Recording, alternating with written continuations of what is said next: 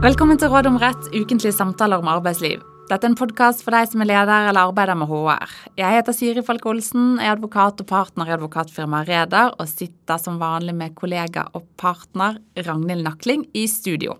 Vi arbeider hver dag med arbeidsrettslige problemstillinger, og i dagens episode skal vi ta for oss nok et interessant tema, Ragnhild, nemlig beredskapsvakt.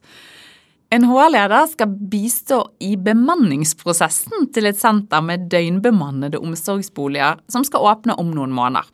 I tillegg til arbeidstakere som jobber dagvakter og kveldsvakter, trenger også bosenteret arbeidstakere som kan være til stede på nattestid, helst fra klokken 22 på kvelden til klokken 8 om morgenen.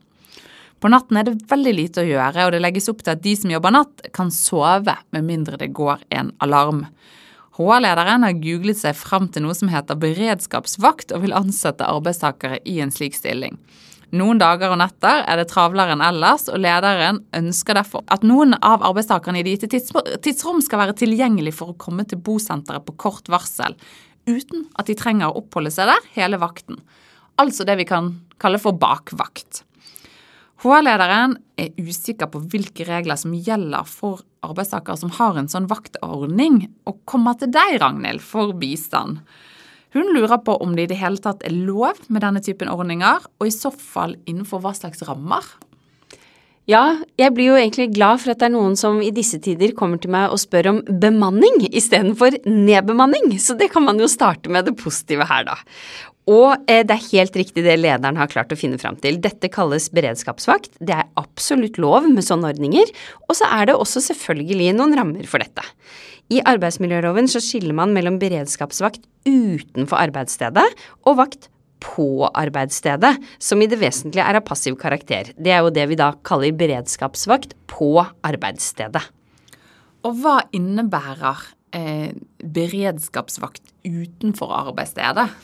Ja, På en måte så ligger det jo litt i uttrykket, da, men, men eh, det er vel det som denne HR-lederen kaller for bakvakt. Eh, kanskje noen også har hørt uttrykket hjemmevakt.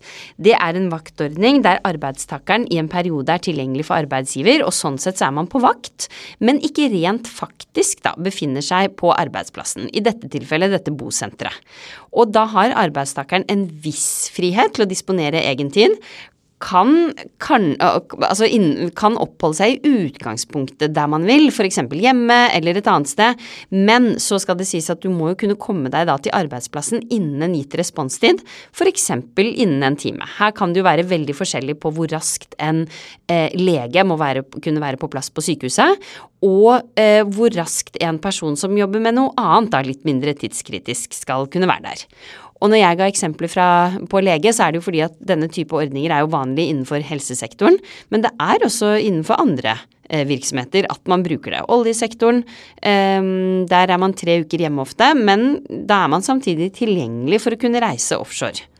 Ja, og her kan man vel også si innledningsvis, Ragnhild, at dette her er jo ofte noe som er regulert i tariffavtale. Eh, nå kan vi vel kanskje legge til grunn at dette senteret med døgnbemannede omsorgsboliger som snart skal åpne, kanskje ikke har fått plass en tariffavtale enda, At det vi snakker om her er eh, reglene som finnes andre steder. Men eh, at dette er et typisk spørsmål som reguleres i tariffavtaler. Absolutt. Så hva med beredskapsvakt på arbeidsstedet, da? Hva, hva, hva, hva er det? Ja, det er det man i arbeidsmiljøloven kaller arbeid av passiv karakter. Der er det også mange begreper som er ute og går, sovevakt eller hvilende vakt, og det er det man da kan kalle beredskapsvakt på arbeidsstedet.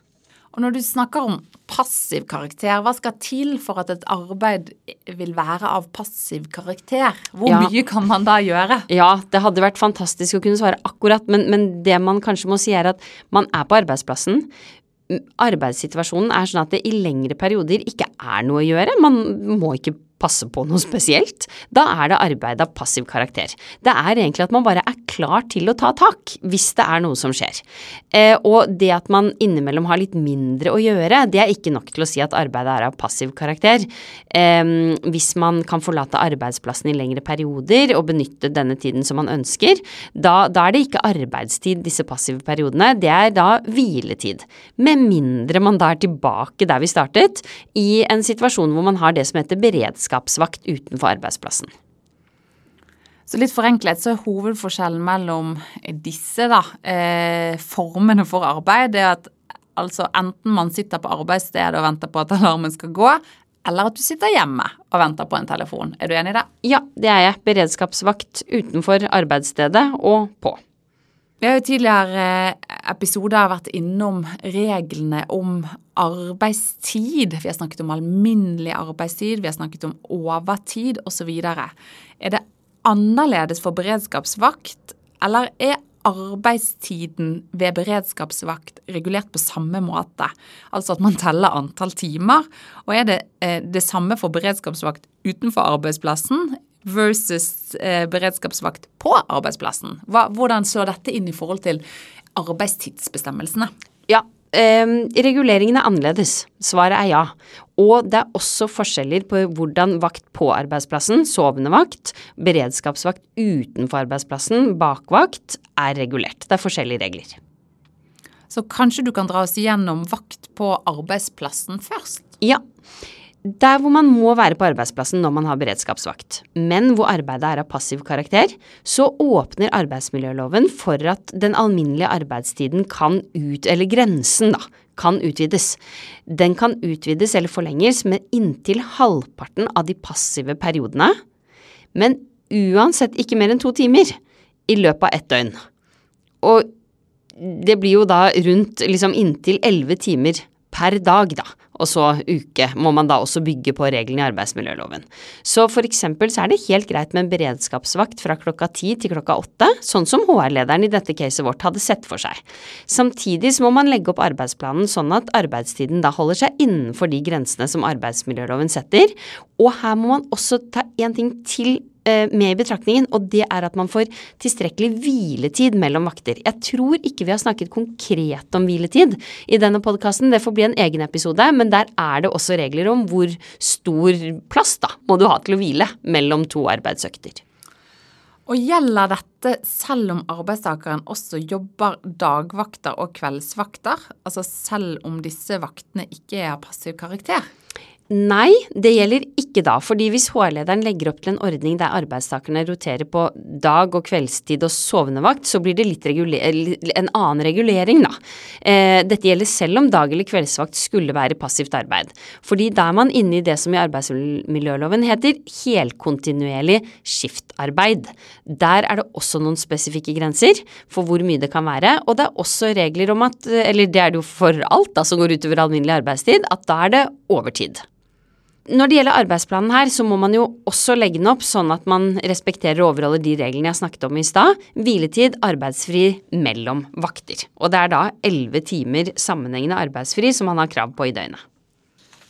Og HR-lederen ønsket jo også å ha arbeidstakere på bakvakt, altså eh, beredskapsvakt utenfor arbeidsplassen. Hvordan er det med arbeidstid da?